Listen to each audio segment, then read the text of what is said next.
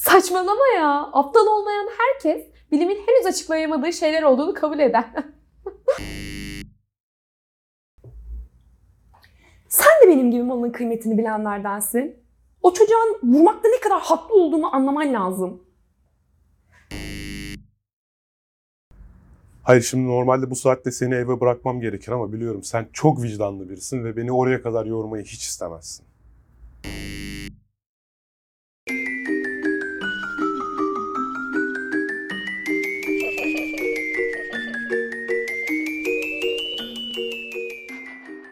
Kayıt. Evet, herkese merhaba. Bugün beğendirme safsatasını kullanacağız. Aslında gaza getirme safsatası da diyebiliriz de tam olarak öyle de değil. Alev Alatlı'nın çevirisini kullanmıştım ben bunda. Sizler yine oyunculuk sırasında bunun örneklerini verdiniz değil mi?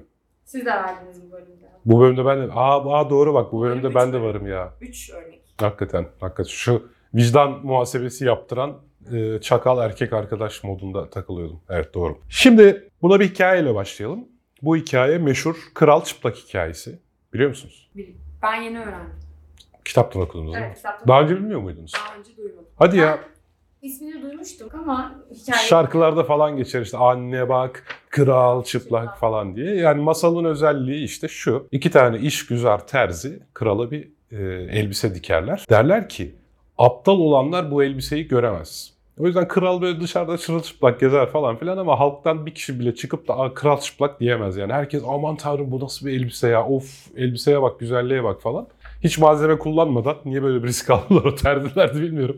Yani hiç malzeme kullanmadan, hiçbir harcama yapmadan bir elbise dikmiş gibi yapıyorlar böyle ellerinde iğne varmış gibi falan. Tabii yapıyorlar derken olayı görmüş gibi anlatıyorum da bu bir masal. Bu arada ben ilkokulda bunun tiyatrosunda oynamıştım. Hasılı kelam derken bir tane çocuk işte çocuklar biraz daha gerçekçi oluyor. Çocuklar biraz daha o toplumsal baskıdan uzak oldukları için güzel yani orada bir çocuğun söylemesi çok gerçekçi bunu. En nihayetinde kral çıplak diye bağırıyor ve herkes aa kral çıplakmış moduna geçiyorlar. Evet şimdi buradaki mesele ne? Burada insanlar aptal olmaktan korktukları için bir gerçeği dile getiremiyorlar veya iddia edilen öne sürülen şey inanmak zorunda kalıyorlar. İşte tam olarak bu bir beğendirme safsatasıdır. Aptal olanlar bu kıyafeti göremez. E sen aptal değilsin. O zaman kıyafeti görüyorsundur dediğim zaman aa tabii görüyorum canım ben aptal değilim moduna geçiyorsun hemen. Demek ki bu safsatamızın formatı nasıl?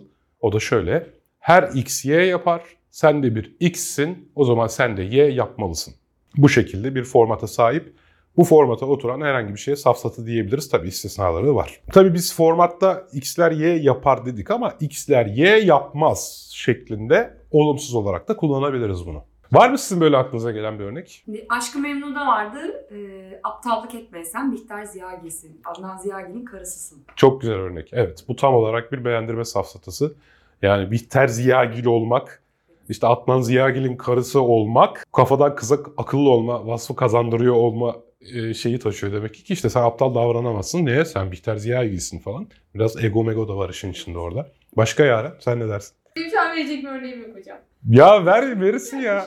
Ben sana her zaman yapıyorum bu arada. Ben yapıyorum sadece. Sen havacısın. Sen havacısın. Checklist mutlaka kullanmalısın diye. Gerçi bu ger- işte bu safsata olmuyor. Çünkü bu gerçek. Saçmalama. Ama bazen şey hani yine de seni gaza getirmek için sen havacısın falan diyorumdur. Onların bir kısmı safsatı olabilir. Şimdi hangileri safsatı olduğunu söylemeyeyim uyanma. Peki o zaman niye gaza geliyoruz? Yani niye safsata neden etkili oluyor? Yani şöyle şimdi bunu e, az önceki örneklerle de düşünürsek Bihter Ziyagil olmak ya da işte havacı olmak ya da işte daha bir sürü aptal olup olmamak falan. Şimdi burada bir e, her şeyden önce işin normatif bir tarafı var. Yani bir gruba ait olduğunuz özellikle grupla ilişkili olduğu zaman işte sen erkek adamsın hani sen veya sen kadınsın gibi bir gruba ait olduğunuz zaman o grubun bazı normları olur. Yani bizi grup grup üyesi yapan şey zaten o normlara uyma taahhütümüzdür bizim tamam mı? Yani Galatasaraylı olmak, Fenerbahçeli olmak, işte e, İstanbullu olmak, İzmirli olmak. Hani İzmirliysen boyozlu seveceksin, çekirdeğe çiğdem diyeceksin. Yani bunlar bunlar norm. Bunlar bir beklenti hatta. Hani İzmirliysen sen çekirdek diyemezsin, çiğdem diyeceksin gibi. Hani bu kadar basit bir konuda bile normlar ortaya çıkabilir. Zaten grupları bir arada tutan onların kültürüdür. Kültür de işte normlardan, değerlerden kaynaklanır. Dolayısıyla siz bir kişiye eğer bir gruba aitse o grubun normlarıyla baskı yapabilirsiniz. Çünkü yani bir çerçeve vardır orada, normatif bir çerçeve. Hani bak onun dışına çıkıyorsun, dikkat et. ya da onun içinde kalmalısın gibi bir baskı unsuruyla bir görüşü kabul ettirebiliriz yani. Ve çerçeve tanımı ortaksa da işe yarar. Örnek veriyorum. İşte sen bilmem nerelisin ya, sen yiğidin arman olduğu yerden geldin, kavgadan mı kaçacaksın falan dediğin zaman işe yarayabilir. Eğer o kişi de evet ya ben yiğidin arman olduğu yerden geldim, eee falan gaza gelebilir yani. Hani orada işe yarayabilir. Ay sen güçlü bir kadınsın yani gidenin arkasından ağlayacak değilsin falan filan diye. Yani böyle kişiyi gaza getiriyorsunuz burada. Yani güçlü insan ağlamaz mı? Ne bileyim veya insan üzülmez mi? Burada bunlar bir nebze safsata ortaya çıkarmış oluyor. Çünkü kişiyi siz ağlamaması gerektiğine bu yolla ikna etmeye çalışıyorsunuz. Ve bunu işte o akıl yürütme sürecinizde bir e, öncül olarak kullanıyorsunuz. Bu sebeple safsata oluyor. İşte buna verecek bir örneğim var. Hadi bakalım. Klasik bütün arkadaşlarımın dediği şey. Sen Sivaslısın üşüyemez. Sen Sivaslısın üşüyemezsin. Evet. Mesela yani. Halbuki Sivaslıların normal insandan daha fazla yağ tabakası olduğu ya da vücut sıcaklıklarının daha yüksek olduğu gibi bilimsel bir zemin yok burada. Bu tamamen bir evet beğendirme safsatası olarak ortaya çıkar. Hadi hadi topladım. Hadi. bir kere de şey, sen Sivaslısın deyince aklıma geldi. AKP seçim çalışmalarında kullanmıştı işte. Sen Sivaslısın büyük düşün. Sen işte Torbalısın büyük düşün falan gibi. Domalan diye bir ilçe varmış Türkiye'de. Sen Domalansın büyük düşün diye. Yani şaka mıydı gerçek miydi bilmiyorum. Ona belki de bir programdan sonra bakmak lazım ona göre çıkartırız. Bir de şey var tabii mesela Bihter Ziyagil grup örneğine uymuyor. Ama orada da bir çerçeve var yine. Yani Bihter Ziyagil olmak bir de Adnan Ziyagil'in karısısın falan herhalde zenginliğe ya da işte aristokrasiye atıfta bulunuyor. Yine hafif bir grupsal atıf var orada böyle hafif bir dokunuş var yani. Ama hani sonuçta ben sen Ecem Uyarsın şöyle yap böyle yap dediğimde hiçbir gruba atıf olmasa bile hani bak Ecem Uyar şöyle olur sen böyle değilsin hani X'ler Y olur sen işte X'sin e, işte bunu böyle yapmalısın vesaire diye bir uyma baskısı yaratmış oluyorum diyorum. Çok basit bir safsata ama işte kişileri gaza getirmek ya da bu şekilde bir şeyi yapmaktan alıkoymak mümkün. Ya da şuradan mezunsun, şu okuldan mezunsun, şu üniversiteden mezunsun. Tabii, tabii. zaten. Tabii onların da bir şeyi var, norm var çünkü tamam mı? Yani sen İTÜ'lüsün, sen ODTÜ'lüsün vesaire dediğin zaman bir çerçeve çizmiş oluyorsun.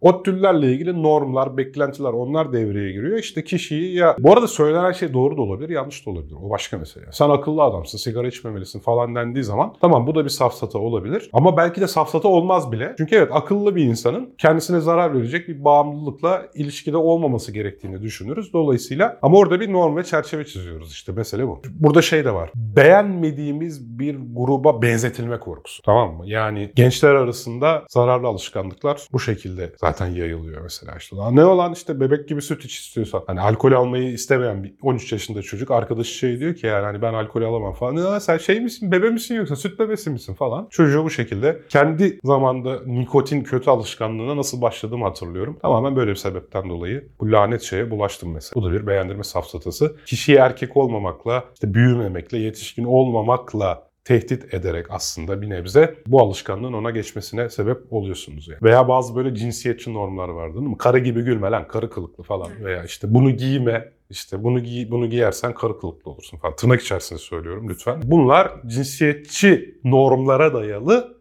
beğendirme safsataları.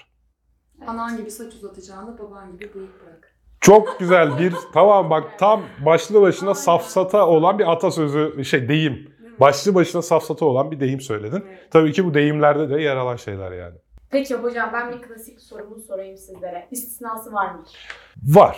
Çünkü aslında gerçekten de bazı gruplara ait olmak belli normlara uymayı zorunlu kılar. Yani mesela meslekler öyledir. Meslekler değil mi? Yani bir meslek sahibiysen, özellikle lisansiye bir meslekse bu. Yani zaten belli şeyleri bildiğin için o lisansı almışsın. O zaman sen şu meslektensin bunu bilmen lazım diyebilirsin. Hani sen astronomsun ya yani bir zahmet lütfen foton e, nasıl hareket eder bil. Ya da ya sen mühendissin, F eşittir MA'yı mı bilmeyeceksin Allah aşkına? Ya da sen öğretmensin, pedagojik formasyonun var. Sınıfta çocuklara böyle davranılmaması gerektiğini bilirsin. Dediğim zaman ben o kişiye safsata yapmış olmam. Çünkü evet o mesleğe sahip olmak o şeyleri bilmeyi gerektirir yani. Ne oldu? Sen hep bana diyordun ki envanteri nasıl bilmiyorsun, muhasebeyi nasıl bilmiyorsun? Ama yok o başka o, o benim hayretimi hayretimi ifade ediyor. Yani lan bu terimle nasıl karşılaşmasın falan diye de. Yani işletme okumak lisansiye bir meslek değil. O yüzden az önce bir lisansiye meslek dedim. İşletme okursun ama muhasebeye çok önem vermezsin. Pazarlamaya verirsin. Biraz daha farklı bir durumu. Ya da Ecem'in oynadığı rol vardı. İşte ne kadar titiz olduğumu bi- biliyorsun. Sen de titizsin. Bu çocuğa niye vurduğumu anlarsın gibi. Şimdi orada safsata çünkü çocuğa vurmakla titizlik arasında şey yok. Ama şunu diyebilirsin hani ne kadar titiz olduğumu biliyorsun. Hani hata yapmaktan ne kadar korktuğumu anlarsın. Ha, bunu dersen olur. Tamam bu safsata değil tabii ki. Evet yani iki, iki- ikimiz de titiziz. Hani ben hata yapmaktan korkuyorum. İşte sen bu duyguyu anlayabilirsin diyorum. Yani bu ikisi arasında ben kişiyi bir şeye ikna etmek zorunda değilim. Muhtemelen diğer kişi de aynı şekilde düşünüyor diye ele alabiliriz burada. Evet gençlik. O zaman. O zaman bu kez Ben- sadece ben söyleyeyim mi? Ah evet hocam siz. Öncelikle kanalı beğenmenizi istirham ederiz efendim. Sonra bundan mütevellit yorum yazarsanız YouTube algoritmasının bizi öne çıkarmasını sağlarsınız. Tabii motive de oluyoruz bu arada. Böyle beğendiğinizi söylediğiniz zaman. Başka neydi ya? Bildirimler açsınlar. Ha mesela evet. Olsun. Bir de paylaşın tabii. Yani şimdi sadece kendiniz izliyorsunuz. Siz açık bilim izleyicisiniz ya. Sizin paylaşmanız lazım. Açık bilim izleyicisi dediğiniz bu videoyu paylaşır. Nokta. Nokta yani. Diyerek safsat örneğimizi de vermiş bulunduk. Bir sonraki bölümde görüşmek üzere. Hoşçakalın. Niye böyle yaptıysam? Ne hiç mi aklınıza gelmiyor? Kuzu.